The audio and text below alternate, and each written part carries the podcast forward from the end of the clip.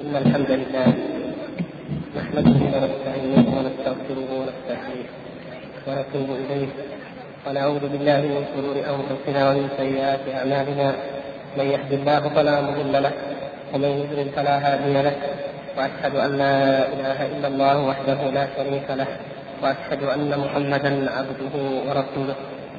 اللهم صل وسلم وبارك على عبدك ورسولك محمد وعلى آله وصحبه أجمعين ومن اتبعهم بإحسان إلى يوم الدين. وبعد أيها الأخوة الكرام فأولا آه، نأسف للانقطاع الذي حصل في الدرس الماضي ولكن نحمد الله سبحانه وتعالى على كل حال. طيب وقد كان السبب أنا لم أستطيع أن أجي في الحقيقة. يعني وعكة خفيفة الحمد لله وأنا آسف إن كنت قد أضعت بعض أوقاتكم وجئتم ولم تجدوني وما كنت أستطيع أن أخبركم إلا متأخر لأنني كنت أرجو أنني اعدل نفسي وأستطيع أن آتي حتى وجدت نفسي في آخر لحظة ما أستطيع. فنرجو المعذرة نسأل الله سبحانه وتعالى يكتب لنا ولكم الأجر إنه سميع مجيب. والآن آه، نعود إلى ما كنا قد شرعنا فيه من إتمام الحديث في مبحث العلوم والأوجه التي ذكرها أو التي سيذكرها الشارح رحمه الله سبحانه وتعالى في إثبات هذه الصفة العظيمة. وقد وقفنا عند حديث مسلم رحمه الله في تفسير قوله تعالى هو الأول والآخر والظاهر والباطن. تفضل.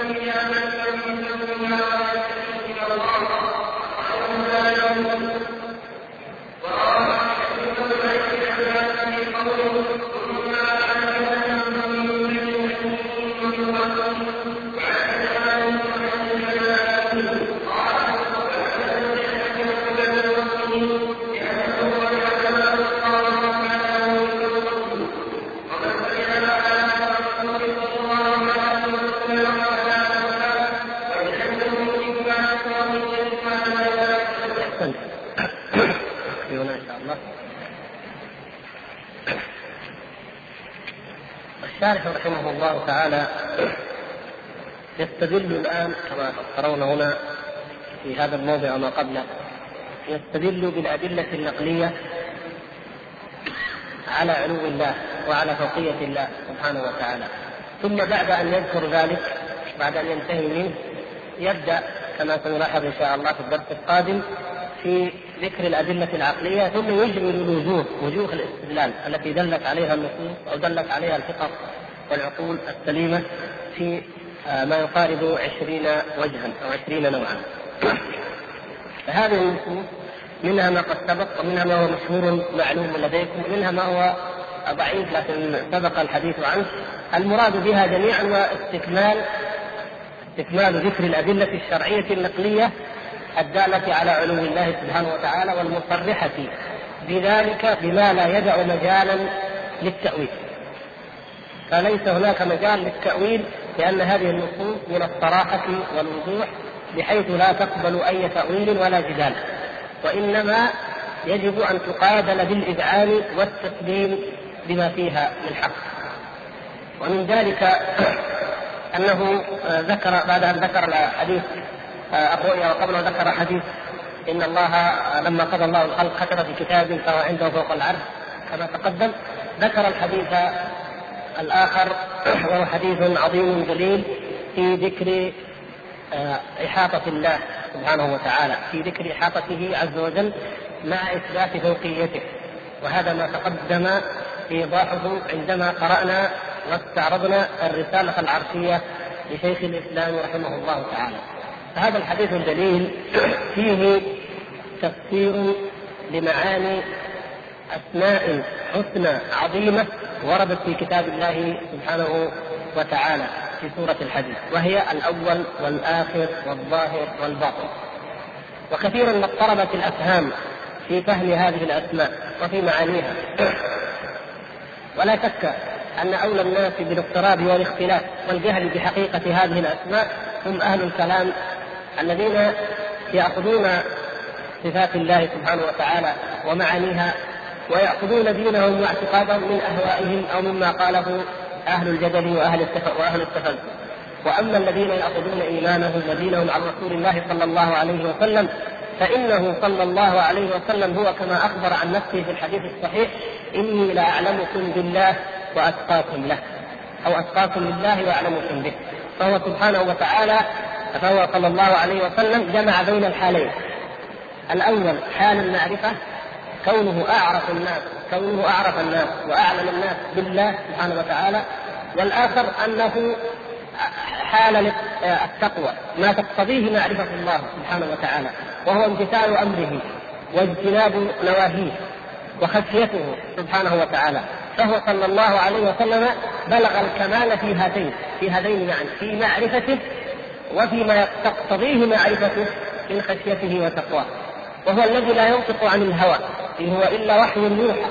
فإذا فسر النبي صلى الله عليه وسلم معنى اسم من أسماء الله تبارك وتعالى فلا نقاش ولا جدال ولا مجال لأن يتكلم أحد أو يفسر. فنجد أن هذه الأسماء التي اضطرب الناس في فهمها وفي تفسيرها نجد أن النبي صلى الله عليه وسلم قد فسرها في حديث جليل. وهو من أفضل الادعيه والأذكار التي كان النبي صلى الله عليه وسلم يرددها ويدعو بها. وذلك أنه صلى الله عليه وسلم كما في الحديث أبي هريرة رضي الله تعالى عنه قال كان يأمرنا إذا أخذ أحدنا مضجعه. آه، روايات متقاربة لكن منها رواية الإمام مسلم أنه كان يقول اللهم رب السماوات والأرض ورب العرش العظيم ربنا ورب كل شيء خالق الحب والنوى منزل التوراة. والإنجيل والفرقان. أو القرآن أعوذ بك من شر كل شيء أنت آخذ بناصيته. هذه المقدمة. ثم يبدأ في الثناء على الله سبحانه وتعالى بهذه الأسماء. اللهم أنت الأول فليس قبلك شيء وأنت الآخر فليس بعدك شيء وأنت الظاهر فليس فوقك شيء وأنت الباطن فليس دونك شيء. عنا الدين وأغننا من الفقر. فهذا قوله صلى الله عليه وسلم كما تلاحظون هنا لو أجملنا معنى الحديث نجد أنه صلى الله عليه وسلم قد توصل إلى الله سبحانه وتعالى بمعاني أو بأسمائه الحسنى وبالثناء عليه. والثناء على الله سبحانه وتعالى من أعظم الوسائل في التوسل إليه ودعائه. ونلاحظ ذلك في أحاديث كثيرة جدا ومنها ما مر معنا قريبا كأحاديث الكرب دعاء الكرب وغيره. الإنسان إذا أثنى على الله سبحانه وتعالى كان ذلك أرجى في قبول دعائه. فهو صلى الله عليه وسلم يثني على الله سبحانه وتعالى بهذا الثناء العظيم الجليل. إثبات ربوبية الله سبحانه وتعالى المطلقة. فهو رب السماوات وهو رب الأرض وهو رب كل شيء وكل دابة هو آخذ بناصيتها سبحانه وتعالى. فالاستعاذة منه هي استعاذة بمن يملك الأمر كله وإليه يرجع الأمر كله وهو ملك ومالك كل شيء. فمن استغاث أو استعان بغير الله أو طلب من غير الله دفع ما يصيبه فقد التجأ إلى ضعيف فقير مخلوق محتاج وترك الغني العظيم سبحانه وتعالى الذي بيده نواصي كل هذه المخلوقات وهو ربها جميعا. وأثنى على الله سبحانه وتعالى بأنه هو الذي من على الناس بهاتين الحياتين. النوعين من أنواع الحياة يا إخوان. انظروا الحياة. هناك الحياة الطبيعية الحياة النباتية وما أشبه ذلك. الحياة التي يحياها الناس تحياها الأشجار تحياها المخلوقات التي خلقها الله سبحانه وتعالى. وبثها في هذه الكون في هذه الدنيا فهذه الله سبحانه وتعالى يحييها بإنزال المطر فهو فالق الحب والنوى فهو سبحانه وتعالى ينزل الغيث فبعد أن تكون الأرض خاشعة أو هامدة نجدها قد اهتزت ونمت وأنبتت الأزواج البهيجة أنبتت حدائق ذات بهجة أنبتت كل أنواع الحياة التي مصدرها مصدر هذه الحياة هو تنزيل الله سبحانه وتعالى لهذا الغيث وإنعامه على هذه المخلوقات بها به. ثم في الجانب الآخر نجد أن الحياة الأخرى الحياة القلبية الحياة الإيمانية التي إذا فقدها صاحبها كان كالحيوان الأعجم الذي لا قلب له ولا إنسانية له وهي هذه الحياة الله سبحانه وتعالى يمن من بها على العباد بإنزال ماذا؟ بإنزال الكتب السماوية ينزل التوراة والإنجيل والفرقان. فالله تعالى أنزل هذه الكتب لتحيا بها القلوب كما أنه أنزل الغيث لتحيا به الأزواج الأنعام والنبات. الله سبحانه وتعالى أنزل هذا الذكر حياة للناس وحياة حقيقية هي الحياة. هي الحياة التي إذا فقدها الحي فهو ميت فهو خاسر. إلا من آمن وعمل صالحا. إلا الذين آمنوا وعملوا الصالحات وتواصوا بالحق وتواصوا بالصبر. ثم يثني على الله تبارك وتعالى بهذه المحامد بهذا الوصف العظيم أنت الأول فليس قبلك شيء. أنت الأول فليس قبلك شيء. وقد تقدم معنا كما تذكرون إن شاء الله أن في مبحث مبحث سابق في أوائل شرح هذه العقيدة عندما جاء بحث آه، حديث أو موضوع أنه آه، سبحانه وتعالى اتصف بصفات الكمال من قبل أن يخلق الخلق والبحث في حديث كان الله ولم يكن شيء قبله أو غيره أو معه وأن مما استشهد به شيخ الإسلام رحمه الله على ترجيح إحدى الروايات الروايات قبله هو هذا الحديث. وعلى كل حال ذاك الحديث له موضوعه وهنا نجد أن التفسير التفسير الأول هو ماذا؟ هو الذي ليس قبله شيء. ما تفسير الأول؟ ما معناه؟ الذي ليس قبله شيء، أنت الأول فليس قبلك شيء، وهذا باتفاق المسلمين والمؤمنين به سبحانه وتعالى حقا جميعا أنه تعالى ليس قبله شيء. على أي رواية كان الحديث المتقدم فإن الإجماع بين كل من يؤمن بالله سبحانه وتعالى حق الإيمان أنه تعالى ليس قبله شيء. المتكلمون ماذا يستخدمون؟ ماذا يطلقون على الله سبحانه وتعالى مقابل هذا الاسم؟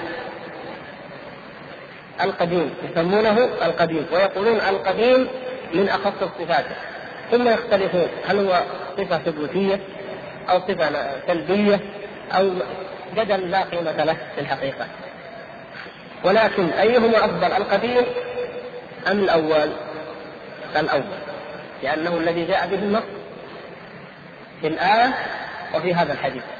والأمر الآخر أن القديم لا يدل على الأزلية لا يدل على ما لا أول لوجود أو ما ليس قبله شيء.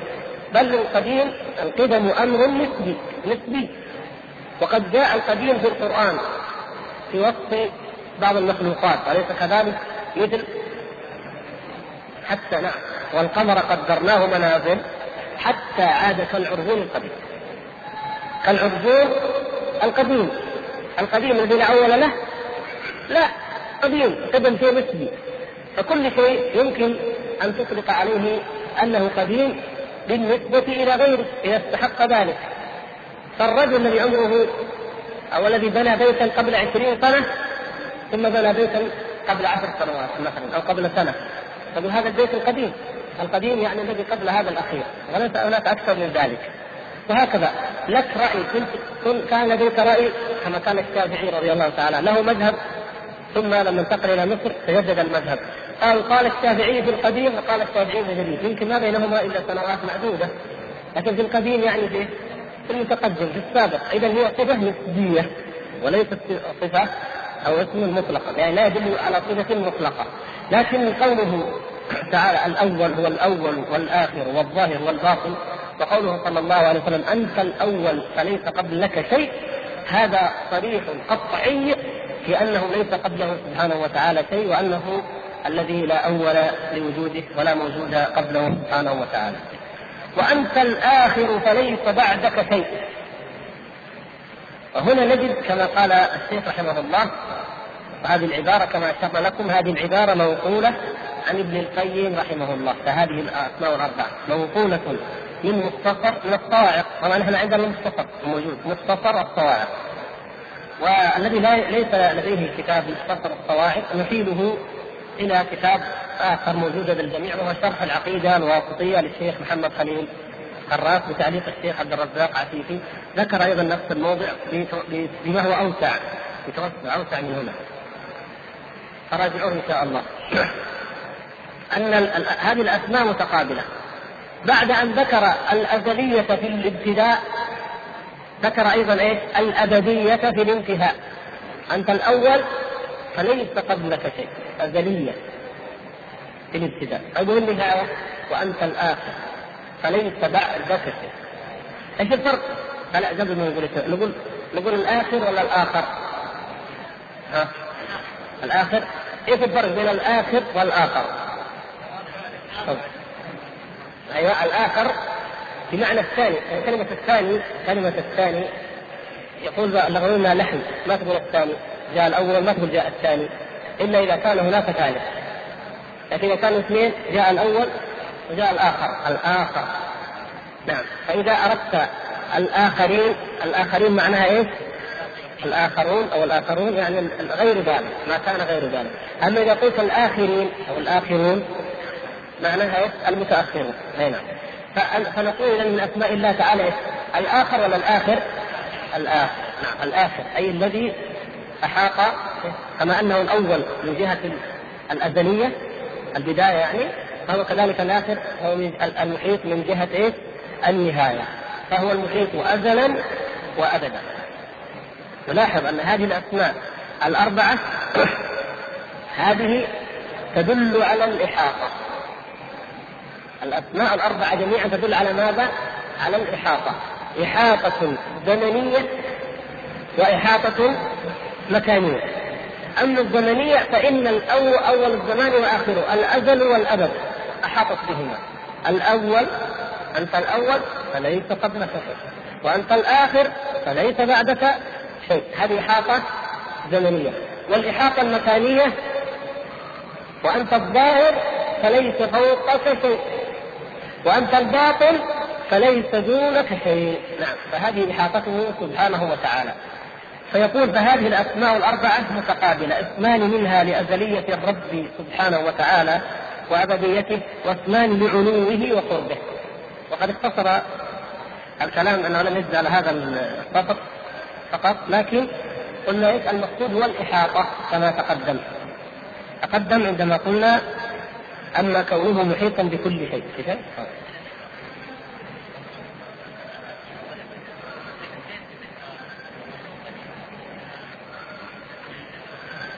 نعم. ونبهنا على ذلك في ذلك الوقت. يعني الإمام الصحابي رحمه الله قال قديم بلا ابتداء. وهنالك قلنا إن القديم ليس من أسماء الله تعالى. لعلكم تذكرون. لكن يا إخوان هناك فرق بين باب الأسماء والصفات وبين باب باب الإخبار. فالله سبحانه وتعالى من جهة إطلاق الاسم أو الصفة العلم عليه سبحانه وتعالى فلا نسمي الله عز وجل إلا بما سمى به نفسه أو سماه به رسوله صلى الله عليه وسلم.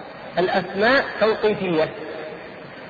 لكن الإخبار بابه واسع، الإخبار إخبار عن الله سبحانه وتعالى. فالمتكلمون الذين نصوا على أن القديم من أسمائه هؤلاء مخطئون وليس من أسماء الله سبحانه وتعالى. لكن الإمام الصحابي رحمه الله مثلا لما قال قديم بلا ابتداء ما سمى الله القديم ومن باب الإخبار يعني هو هو قديم بلا ابتداء. وهناك قلنا وقال الشارح نفسه رحمه الله أنه اقرأ عبد الله إقبال الشارح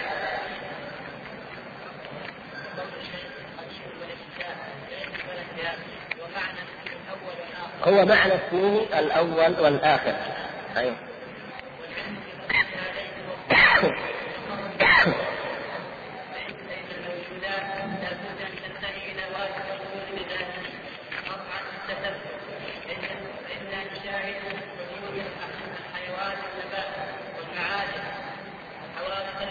إلى آخره. المقصود هو هذا يعني إنه جاب الايه؟ هذه في الفقرة الخامسة. الفقرة الخامسة من العقيدة اللي عنده مرقمة. قديم بلا ابتداء دائم بلا انتهاء.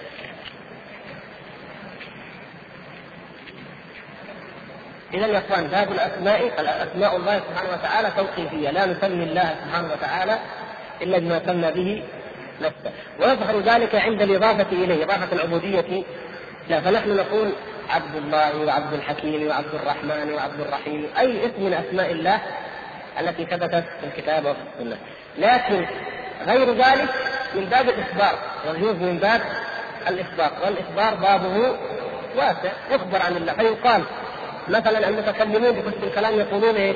الصانع. يقولون الصانع. ويقولون المريد المريد طيب. هل هذه من أسماء الله سبحانه وتعالى؟ ليست من أسماء الله. لكن من صفات يعني في باب الإخبار نقول والله تعالى هو الصانع أو هو من باب الإخبار يجوز ذلك. نعم يجوز أن نقول.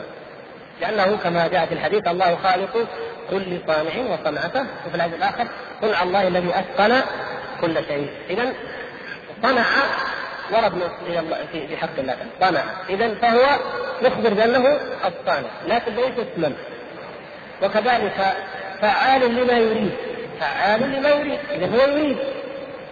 إذا هل نصف الله تعالى بأنه مريد؟ نصف الله نخبر عنه نعم إخبار.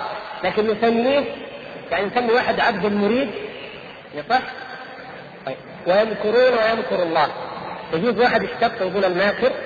لا. لاحظت إذا في أشياء يعني في فيجب أن نتنبه إلى الفوارق. من حيث الإخبار الباب واسع. أما من جهة العلمية إطلاق اسم على جهة العلمية فإنه توقيفي. لا يثبت إلا بنص من الوحي. ثم يذكر يعني المقصود يا إخواننا وأنت الظاهر فليس فوقك شيء نعم. الظاهر فليس فوقك شيء. فالله سبحانه وتعالى فوق جميع المخلوقات وهذا هو الشاهد أو المراد بذكر الحديث. هنا إثبات الفوقية كلمة فوق الفوقية. الله سبحانه وتعالى هو فوق جميع المخلوقات وليس فوقه عز وجل شيء من مخلوقاته. والباطن وأنت الباطن فليس دونك شيء. فكل المخلوقات في قبضته سبحانه وتعالى. لا شيء منها فوقه ولا شيء منها دونه.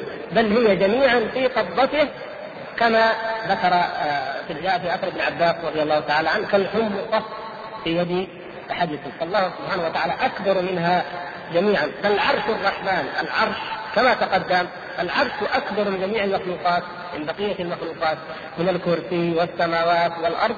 والله سبحانه وتعالى فوق العرش وهو أعظم منه وأعظم من المخلوقات جميعا. فاذا هذه الأسماء الأربعة أسماء لله سبحانه وتعالى نفسرها كما فسرها به النبي صلى الله عليه وسلم وهي في مجموعها تدل على ماذا؟ على الإحاطة. فالله تعالى محيط بخلقه مكانا وزمانا وعلوا وغلبة وقهرا فهو أحاط بكل شيء علما وهو محيط أيضا إحاطة علو وإحاطة زمان بالأزلية والأبدية.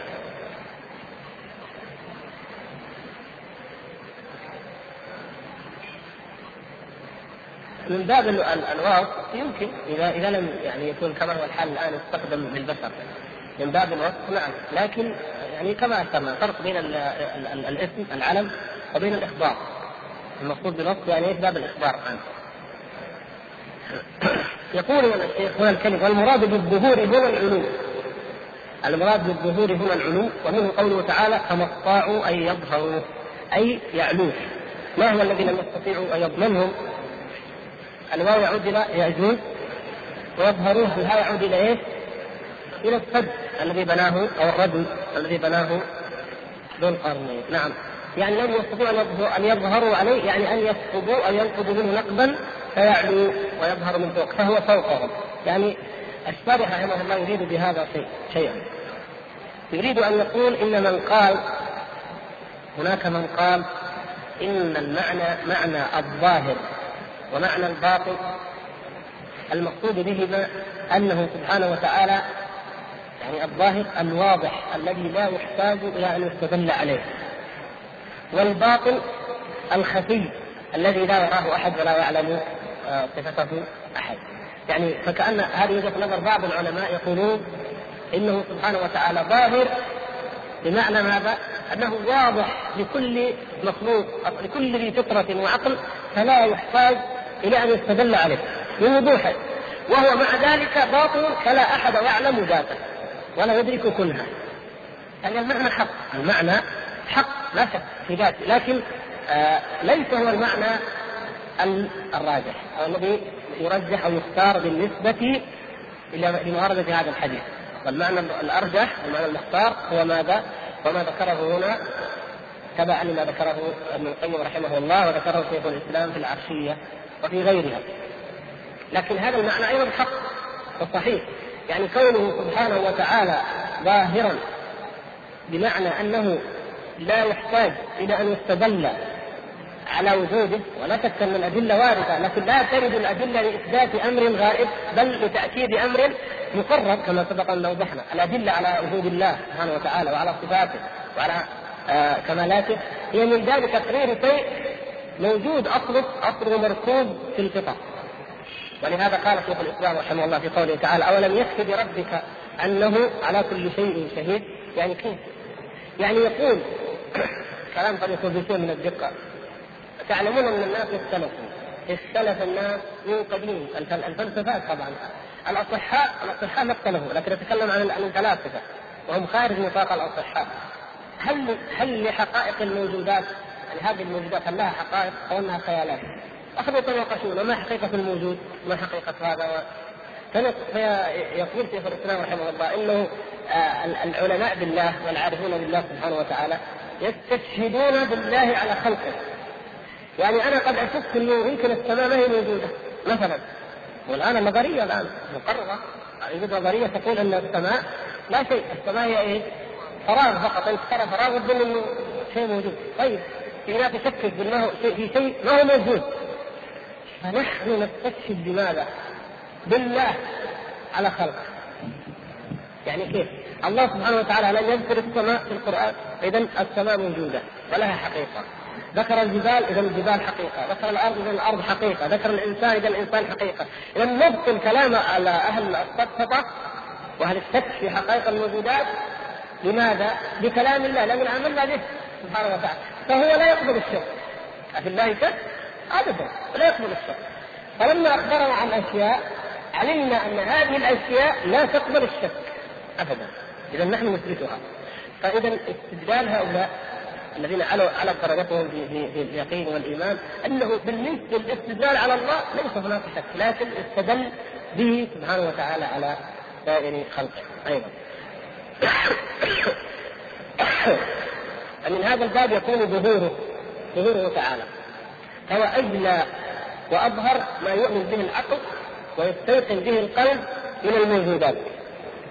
فكل شيء قد يجادل فيه قد يقبل أن يشك فيه إلا وجوده سبحانه وتعالى. لا يقبل الشك بأي حال من الأحوال. وإلا فلو أنكر الإنسان نفسه أنكر وجوده أنكر وجود الجبال أنكر وجود الأرض أنكر وجود الماء أنكر وجود الشمس في النهار يراها وأنكر وجودها لكان ذلك أدنى وأخف وأقرب من أن يقول إن الله تعالى غير موجود تعالى الله عن ذلك علوا كبيرا ابدا. ما يمكن هذا. هذا مقصود بعض العلماء من هذه الجهة. قالوا ومع كمال ظهوره سبحانه وتعالى فهو أيضا باطل. لا تعلم صفاته ولا يدرك أحد ذاته. فقالوا اذا هذا هو معنى الظاهر والباطل وكما قلنا هذا المعنى حق وإن كان الأرجح غيره. طيب، ما في نور؟ ثم يقول وروى أبو داود عن جبير بن محمد إلى آخره حديث الأعرابي حديث الأعرابي الذي تقدم في الرسالة العرشية وهو الذي في آخره الأطيب. صفة الأطيب. ومع أن الأطيب كما قلنا الأطيب لم يذكر في هذا الحديث صفة لمن؟ لم يذكر صفة لله بل صفة لماذا؟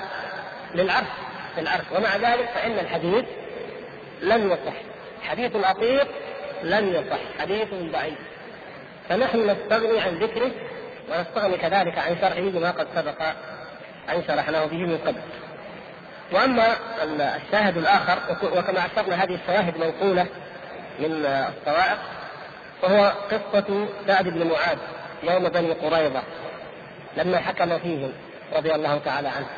أولئك اليهود الخونة وهم هكذا في كل زمان وفي كل مكان. كانوا من الرعية في المدينة أعطاهم النبي صلى الله عليه وسلم الأمان كانوا في ذمته وفي ذمة المؤمنين لم يخسروا حقا ولم يظلموا بل كان لهم ما للمسلمين وعليهم ما عليهم من الحقوق كما يسمى الآن الحقوق والواجبات كل شيء. ولكن اليهود يهود في كل زمان وفي كل مكان. لما رأوا في الأفق من بعيد بوادر بوادر قد تشير إلى أن النبي صلى الله عليه وسلم قد يغلب وأرسل لهم الأحزاب وجاءهم المجرمون من خيبر اليهود الآخرون ماذا تريدون يا بني قريظة؟ ماذا تريد يا كعب؟ ماذا تريد؟ الآن انتهى أمر محمد قضي عليه تعالوا مع مع الأحزاب وينتهي أمره وتستريحوا إلى الأبد يا كعب يا حيي يا فلان أين عقولكم؟ أنتم تقرؤون في التوراة أنه نبي آخر الزمان وتعرفونه كما تعرفون أبناءكم. أنتم تقرؤون في في التوراة أن هذا النبي سوف يظهره الله سبحانه وتعالى. وأمته الأمة الحمادة أو الحمادون سوف يفتحون العالم. تقرؤون ذلك وأن أمما كثيرة تدخل في دينه. مكتوب في التوراة إلى الآن هذا الكلام تقرؤون هذا ومع ذلك تمارئون وتواطئون المشركين. كما قالوا لما سألهم كفار قريش أي الدين أفضل ديننا أم دين محمد؟ لا دينكم أفضل من دين محمد. سبحان الله. انظروا اليهود. يزكون عبادة الأصنام ويفضلونها على دين الإسلام يفضلون عبادة الأصنام على دين الإسلام. ويقول هؤلاء أهدى من الذين آمنوا سبيلا. أعوذ بالله. هؤلاء أهدى. عبدة اللات والعزى أهدى من عباد الله. الذين أنزل الله عليهم الوحي وأورثهم الكتاب والذين يعاملونكم بمقتضى أنكم أهل الكتاب يفضلونكم عن المشركين في أحكام كثيرة لانكم أهل الكتاب فيجعلون عباد الأصنام أفضل منهم. هذا حالهم فتحالفوا مع عباد الأصنام. وفي تلك اللحظات الحرجة الحاسمة التي وصفها الله سبحانه وتعالى في سورة الأحزاب كيف كان حال المؤمنين؟ ابتلوا ابتلوا وزلزلوا زلزالا شديدا وضاقت عليهم الأرض وحتى أن النبي صلى الله عليه وسلم لما أرسل من يستطلع عن خبرهم قال له عرف لمح لأن القلوب القلوب يصعب عليها أن تسمع خبر أن عدوا من الداخل ينضم إلى هؤلاء. الاعداء قال عدل والقارة. ما قال غدر ولا قال عدل والقارة. يذكر النبي صلى الله عليه وسلم بغدرة عدل والقارة. هي يعني قلوب لا موقف لا يطاق. فلما أنكف الله المؤمنين القتال وانزلت الغمة ورحل الأحزاب إلى غير رجعة ونصر الله سبحانه وتعالى دينه وعز كلمته وجاء جبريل النبي صلى الله عليه وسلم يأمر الآن الآن عقوبة المجرمين الخائنين إلى بني قريظة. لا يصلين أحد منكم العصر إلا في بني قريظة. الآن وتوجهوا إلى ولاية المجرمين. فبعد الحصار والمداولة رضوا بأن ينزلوا على حكم حليفهم حليفهم سعد بن معاذ. اليهود في جميع الأحوال تظل الصفة اليهودية في جميع الأحوال في حال القوة في حال الضعف في حال أي حال من الأحوال. حتى في هذه الحالة لم يقولوا نرضى بحكم رسول الله. انظروا العقول. لو قالوا نقبل حكم رسول الله صلى الله عليه وسلم إن كان الموت والقتل فخذوه من النبي ولا من واحد آخر. وإن كان الرحمة فمن أرحم من رسول الله صلى الله عليه وسلم. لكن هم فيصل بين العقول. حتى في هذه الحالة آه حليفنا. سعد طيب الحمد لله. وماذا حكم فيهم سعد؟ حكم بأن تقتل مقاتلتهم وأن تخفى ذراريهم لذلك محمد بن سعد القرظي رحمه الله كان من إيش؟ الصغار لم ينبت. لو أنه أنبت ما ما عاش ولا رمى لنا شيئا فكان الصغار خذوا واسروا فقتلت مقاتلتهم وقتل رؤوس الإجرام كعب وحوية وإن كان معهم.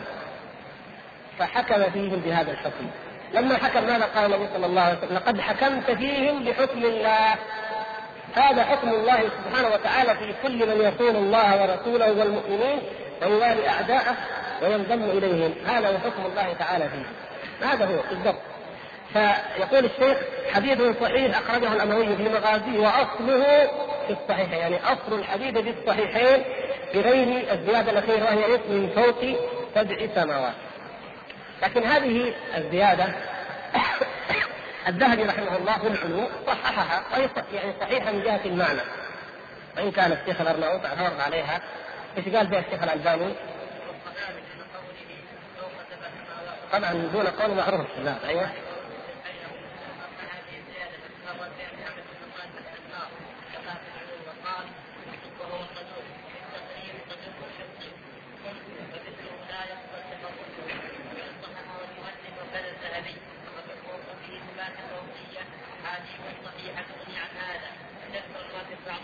نعم.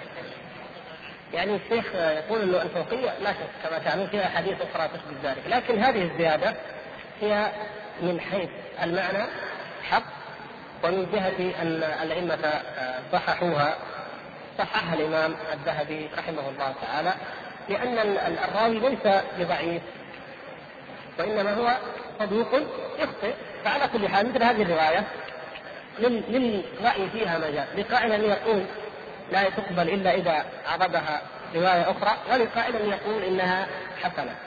لكن من جهة المعنى نقول المعنى صحيح. قد حكمت فيه بحكم الله والله تعالى هو فوق سبع سماوات بلا ريب. وأما حديث زينب رضي الله تعالى عنها فإنها قالت كانت تفخر على أزواج النبي صلى الله عليه وسلم على أمهات المؤمنين الاخريات تقول زوجكن اهاليكن يعني النبي صلى الله عليه وسلم ذهب إلى أبي بكر فخطب عائشة خطب حفصة من عمر خطب كذا. لكن زينب تقول وزوجني الله من فوق سبع سماوات. لماذا؟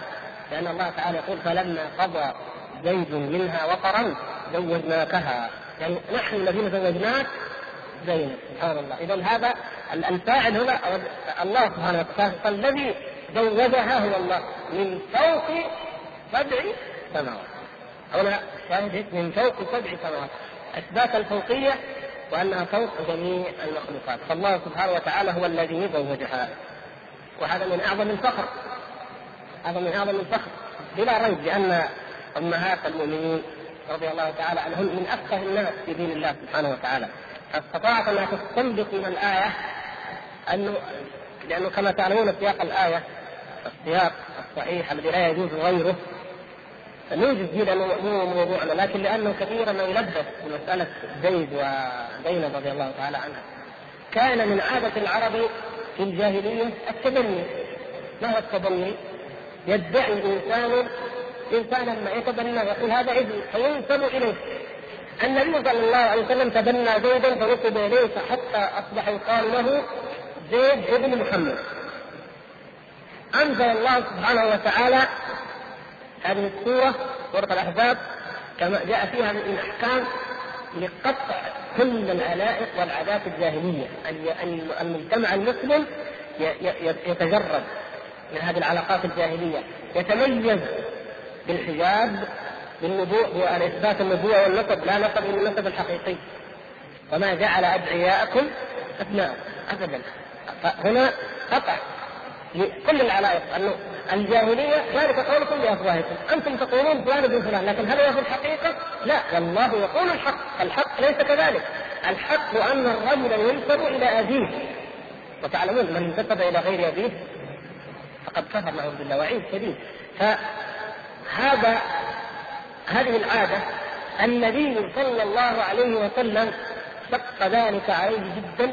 ما الذي شق عليه؟ كلما تأتي زينب تشتكي زيد. والله تعالى قد أخبره قد اطلعه على أن زيدا يفارقها وانت تتزوجها. لهذه الحكمة لكي يقضى على هذه العادة تماما لأنه من المعلوم به. المقطوع حتى عند العرب في الجاهلية أن الرجل لا يتزوج زوجة ابنه. يعني حتى في الجاهلية لا يفعل ذلك إلا من لا مروءة له. وإن كان قد يقع أن الرجل يتزوج زوجة أبيه أو زوجة ابنه. لكن النبي صلى الله عليه وسلم يخشى الناس. كيف يخشى الناس؟ لا يريد. مع ما يقول المنافقون عنه حتى في عرضه صلى الله عليه وسلم. مع ما يقول المشركون. آه محمد. هذا محمد الذي يأتي بالفضائل ويدعو إلى مكارم الأخلاق يتزوج زوجة ابنه بعد ما طلقها. فمما سيتعرض له عرض النبي صلى الله عليه وسلم هذا اللون. والنبي صلى الله عليه وسلم لا يريد ذلك. هذه طبيعة فطرية. لا ما في ما في إنسان يريد أن يتكلم فيه الناس. وقد ضاق سطره صلى الله عليه وسلم بما يقولون نعم. لماذا؟ واحد كذاب كاهن ثم يلقطون به التهم. فالآن تأتي تهمة جديدة من المنافقين من اليهود من المشركين. من كل من يمكن أن يلقط التهم ويختلق الكذب. الان جاءتهم علامة. انظروا كيف طلق ابنه زوجته ثم تزوجها فالله تعالى يريد أن يقول لهم الحق لا إنه ليس ابنه. أجنبي عنه وطلقها فيتزوجها صلى الله عليه وسلم فيقضى على هذه العاده عمليا وهذه فيها حكمة أخرى يا إخوان وهو أن العادات العادات لا يقضى عليها قضاء حقيقيا إلا عمليا. لو ألقيت ألف موعظة عن ان الإنسان لا يسرف مثلا في الزواج أو لا يأخذ مهرا عاليا إذا خطب إليه إنسان يرضى بالمهر اليسير لبنته ليس مثل أن يأتيك إنسان يزوج ب 100 ريال يعني القضاء على العادات السيئة حقيقة يكون بإيه؟ بالعمل وبالفعل. فهكذا كان هناك حكمة عظيمة بان يقضي النبي صلى الله عليه وسلم على هذه العادة. وإذ تقول الذي أنعم الله عليه وانعمت عليه أمسك عليك زوجك واتق الله. النبي صلى الله عليه وسلم يريد أن زوجا لا يفارقها لأنه يعني إذا فارقها كانت المشكلة الأخرى.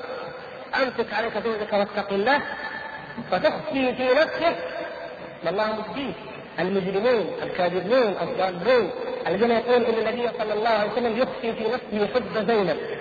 من ما الله مبديه ما الذي أبدى الله؟ أبدى أنك كنت تحب زينب؟ أبدا. أبدى الزواج. أبدى أنك سوف تتزوجها. هذا كان يخفي ذلك. والله تعالى أبداه وأظهر فتزوجها بعد ذلك. تخشى الناس. تخشى الناس. لأن يقول إن محمدا تزوج زوجة ابنه. والله حق أن تخشى. الله الذي خلقك وأمرك. هذا عتاب من النبي صلى الله عليه وسلم.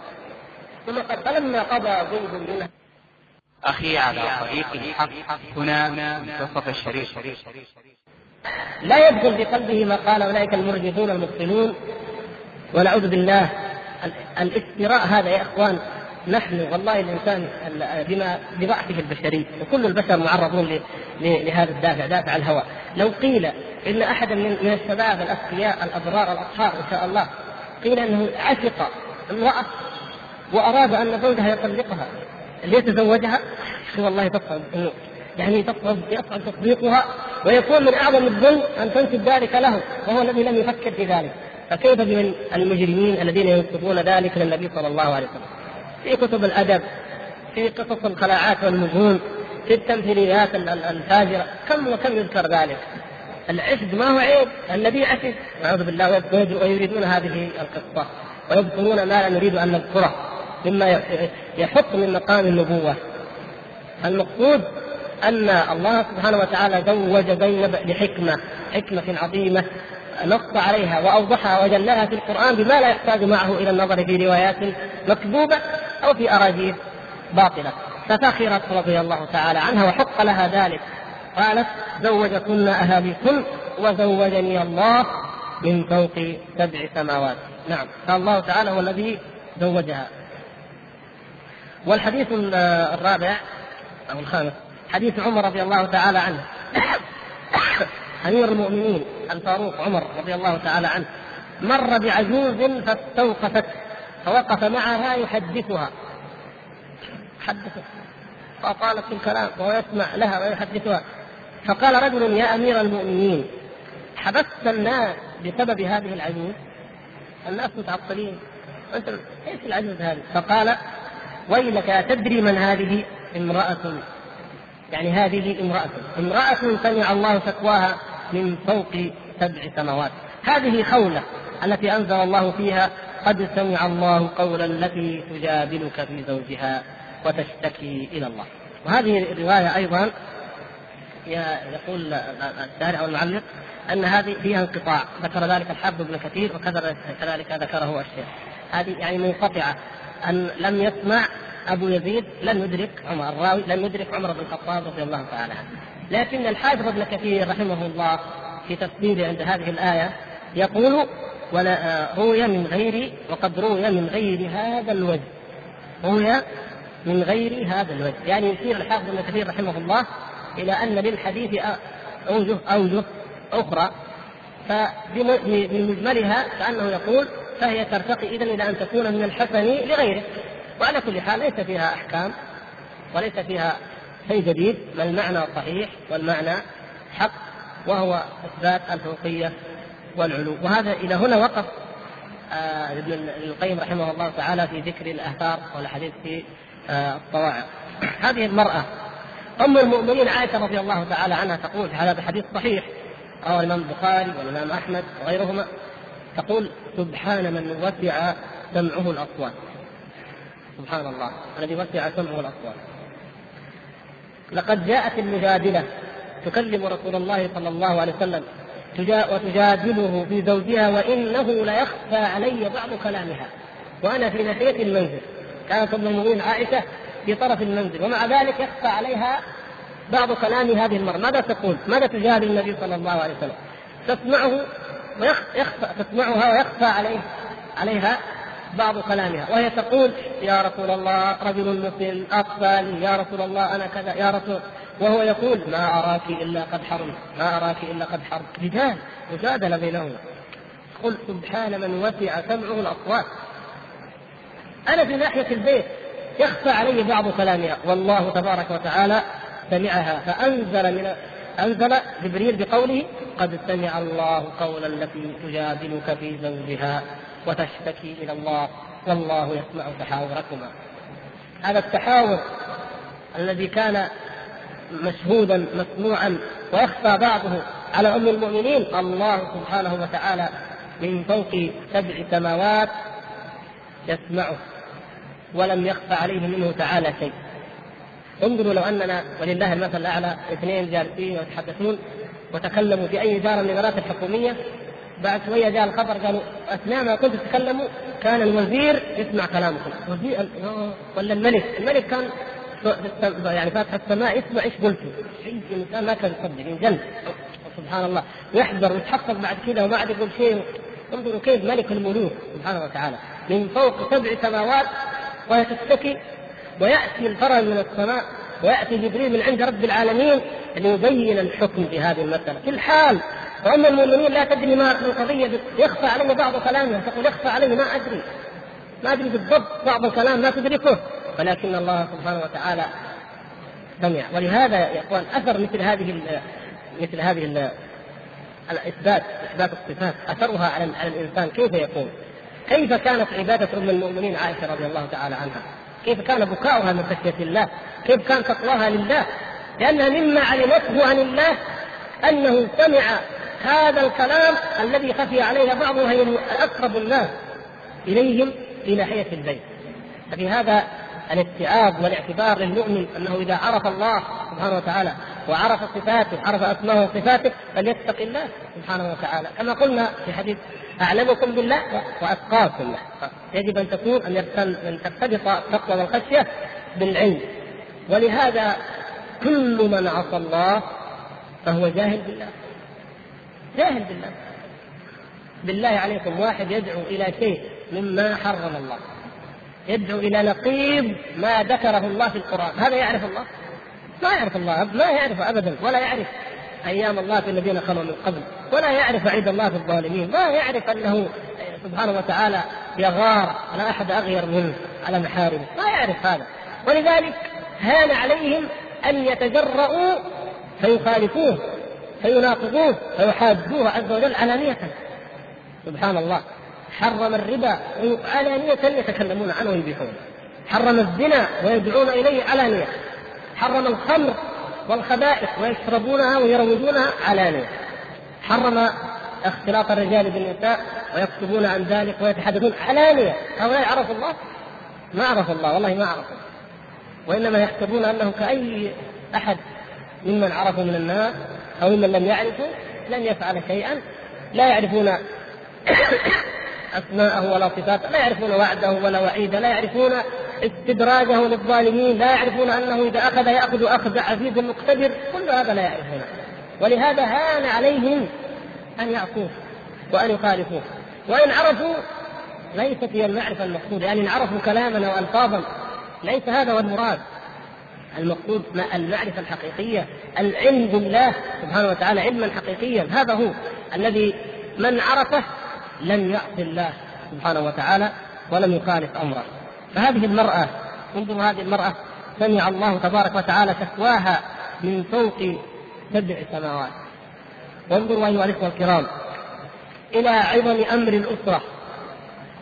لا يقول أحد من الناس المرأة والبيت والمنزل والأسرة القضية قضية تنمية قضية مساهمة في في بناء الوطن قضية كلام هذا لا يلبس به عليكم.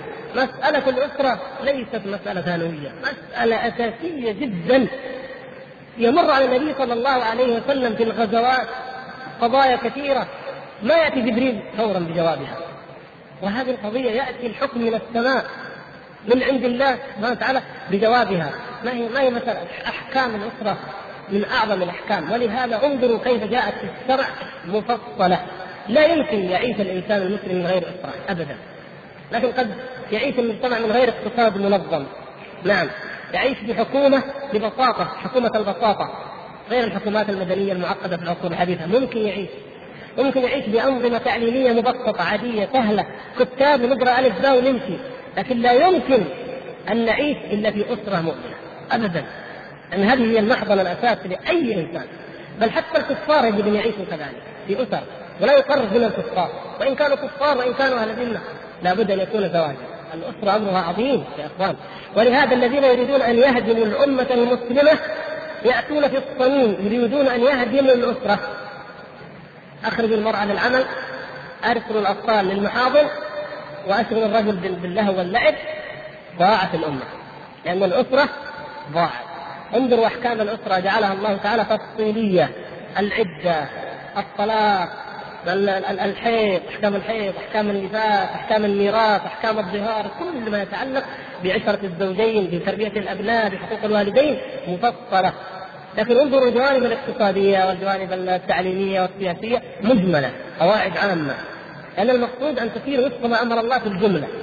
أما هذه فالإنسان هو الانسان في جميع العصور لا بد له من أم لا بد له من أب لا بد له من زوجة لا بد له من أبناء. في أي عصر كان فتأتي الأحكام مفصلة ولا يستهان بها. ما إذا جاء واحد يريد أن يعرف أسرة مؤمنة يا أخي إحنا فاضيين لمشاكلكم، إحنا عندنا مشاكل كبيرة. لا هذا هذا نحن لا لا لا, لا نقيم امرا كما أمر الله سبحانه وتعالى. يعني النبي صلى الله عليه وسلم كان يقول لها الحين إحنا نحارب قريش وعندنا مشاكل مع الروم، أنت زوجك اتفقتوا واختلفتوا ما في مشكلة، لا لا ما يقول كذا النبي صلى الله عليه وسلم، هذه قضية أساسية. قضية بيت مسلم يهدم؟ لا. لابد أن ينزل حكم الله يأتي حكم من الله سبحانه وتعالى. فاهتم بها النبي صلى الله عليه وسلم. لكنه ما اراك إلا قد حرمت. ذلك ما كان عندهم من العلم. فلما أنزل الله عليه الحكم أصبح حكما عاما للأمة إلى قيام الساعة. فهذا فيه عبرة أيضا من جهة أهم معرفة أهمية الأسرة المسلمة وضرورة بنائها على تقوى الله سبحانه وتعالى. والشاهد منه هو قوله هذه المرأة خولة وزوجها أوس. يعني خولة بنت أوس خطأ كما في بعض لأنه هي خولة وزوجها أوس بن الصامت رضي الله تعالى عنه. كان رجلا كبيرا مسنا فالشاهد أن هذه المرأة سمع الله تعالى قولها وكما قال رضي الله تعالى عنه عمر.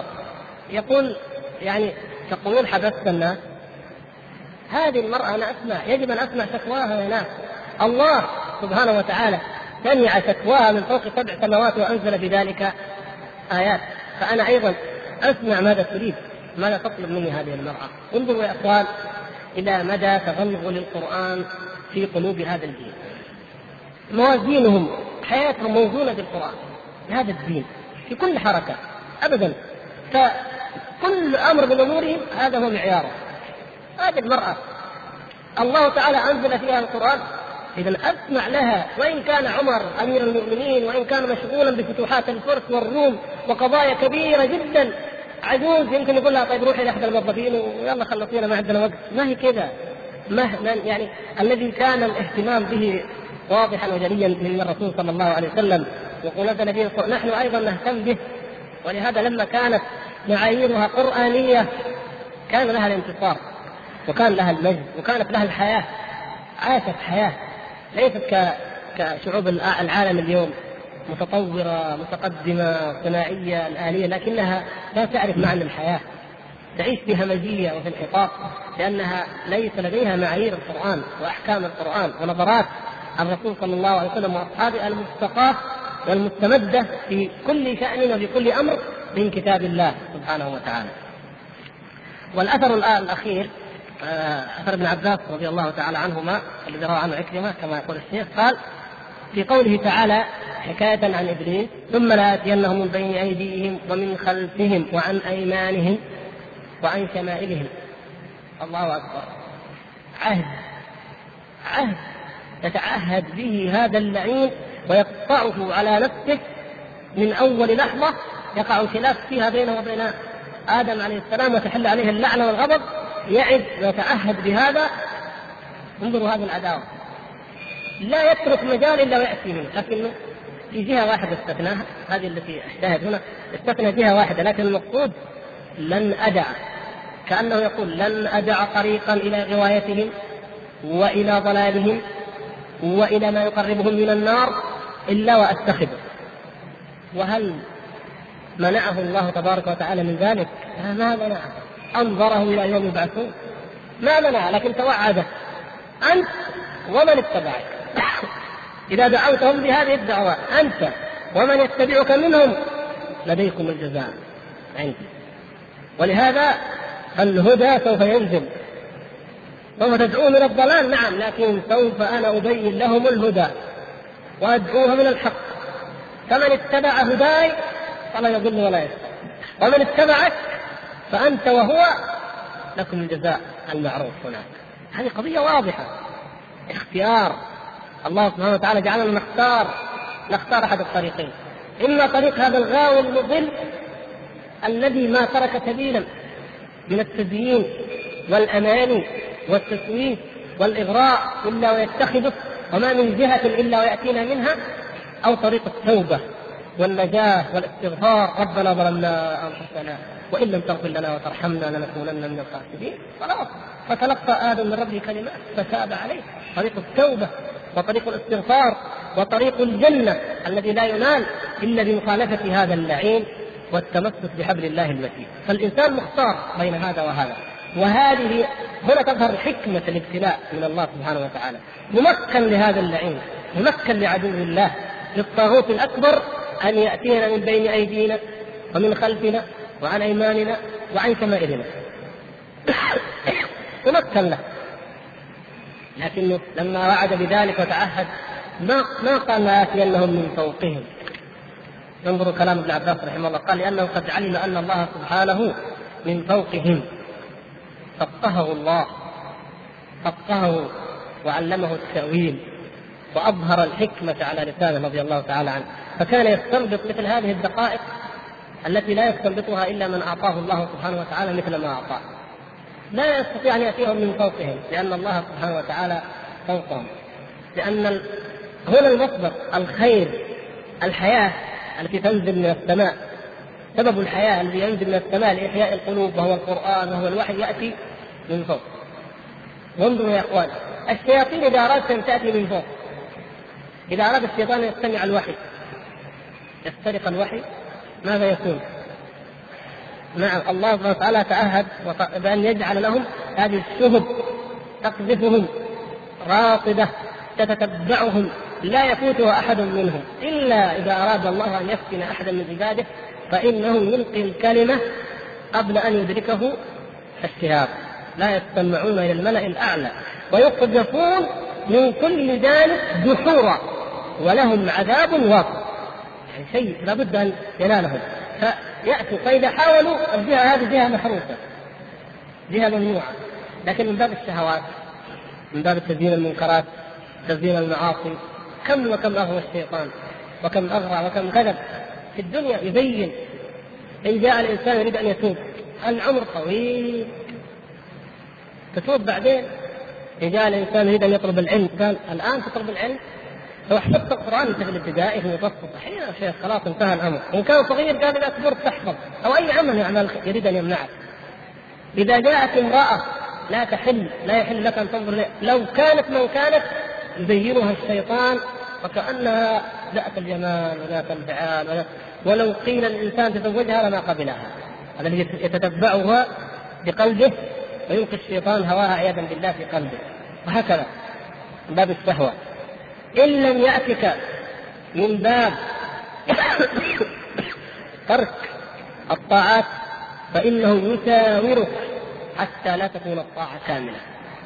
غلبته وصليت يأتيك في الصلاة يشغل بالك يشغل بينك بأي شيء؟ صليت وما صليت؟ صليت أنك دخلت مع الناس في المسجد لكن ما صليت. ما ما فقيت منها شيئا. كم كتب لك؟ النصف الثلث الربع العشر؟ لا شيء. الله أعلم كم كتب. مع أنك جيت ما يدعك ابدا. في باب الإيمان يأتي بالشكوك يأتي بالوساوس يأتي بالأباطيل يأتي بكل ما يبعد الإنسان عن الحق يسمع الإنسان القرآن. والحمد لله الشباب الطيب ينظر إلى إلى أهل الخير إلى أهل الدين والإيمان. كم يسمع من القرآن ومن الآيات؟ والحمد لله في كل وقت ونقرأ. تحاول أن تثبت الشيء بلا تجد الصعوبة في ذلك.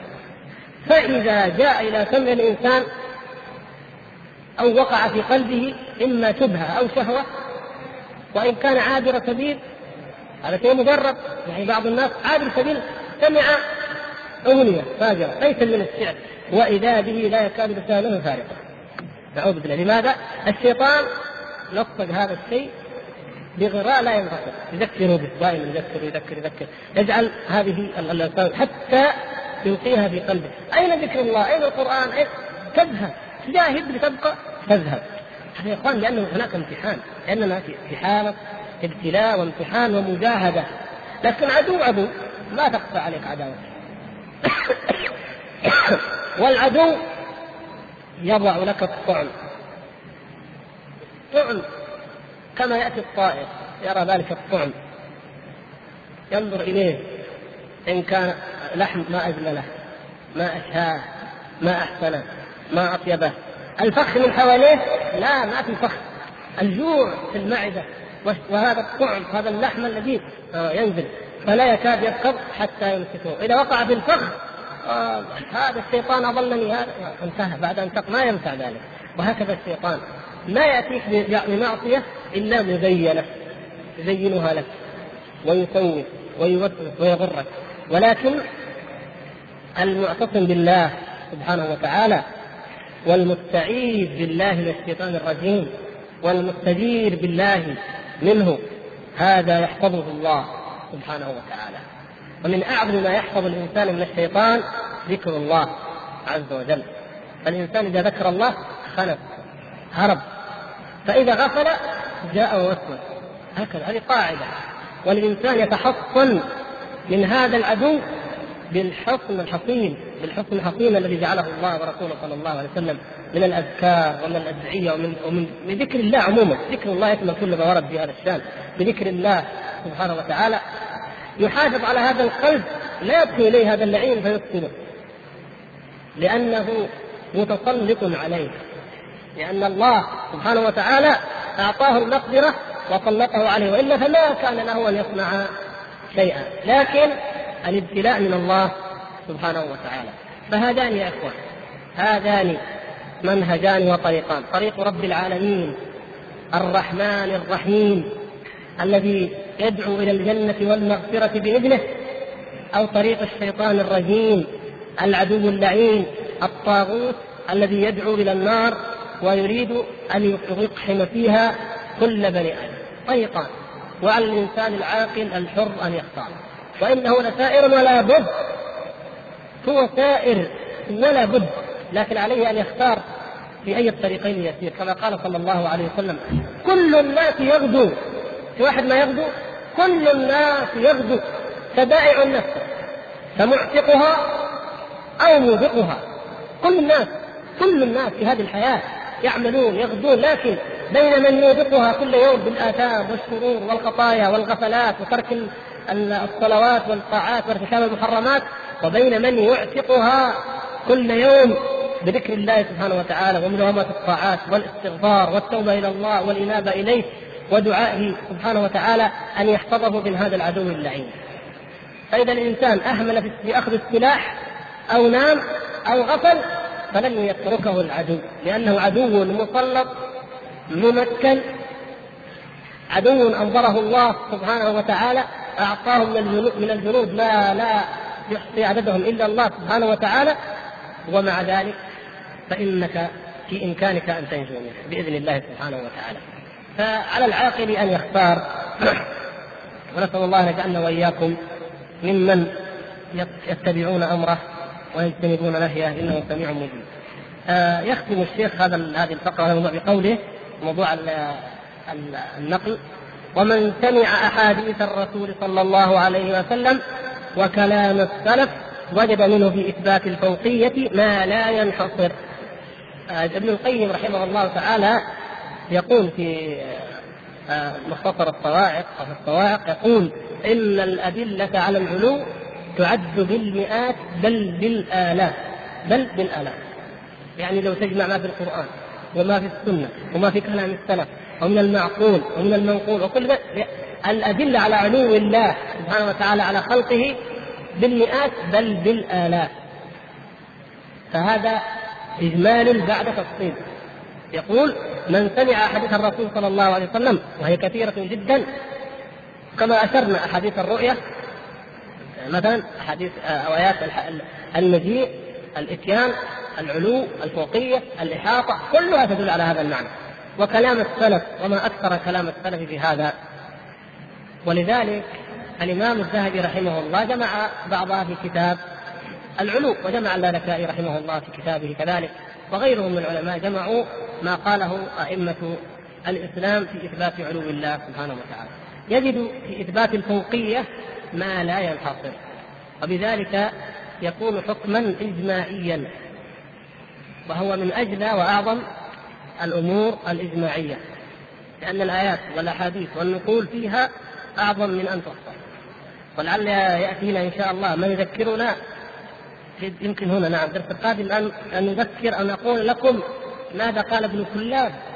نفسه. ماذا قال الأشعري. ماذا قال الباقلاني.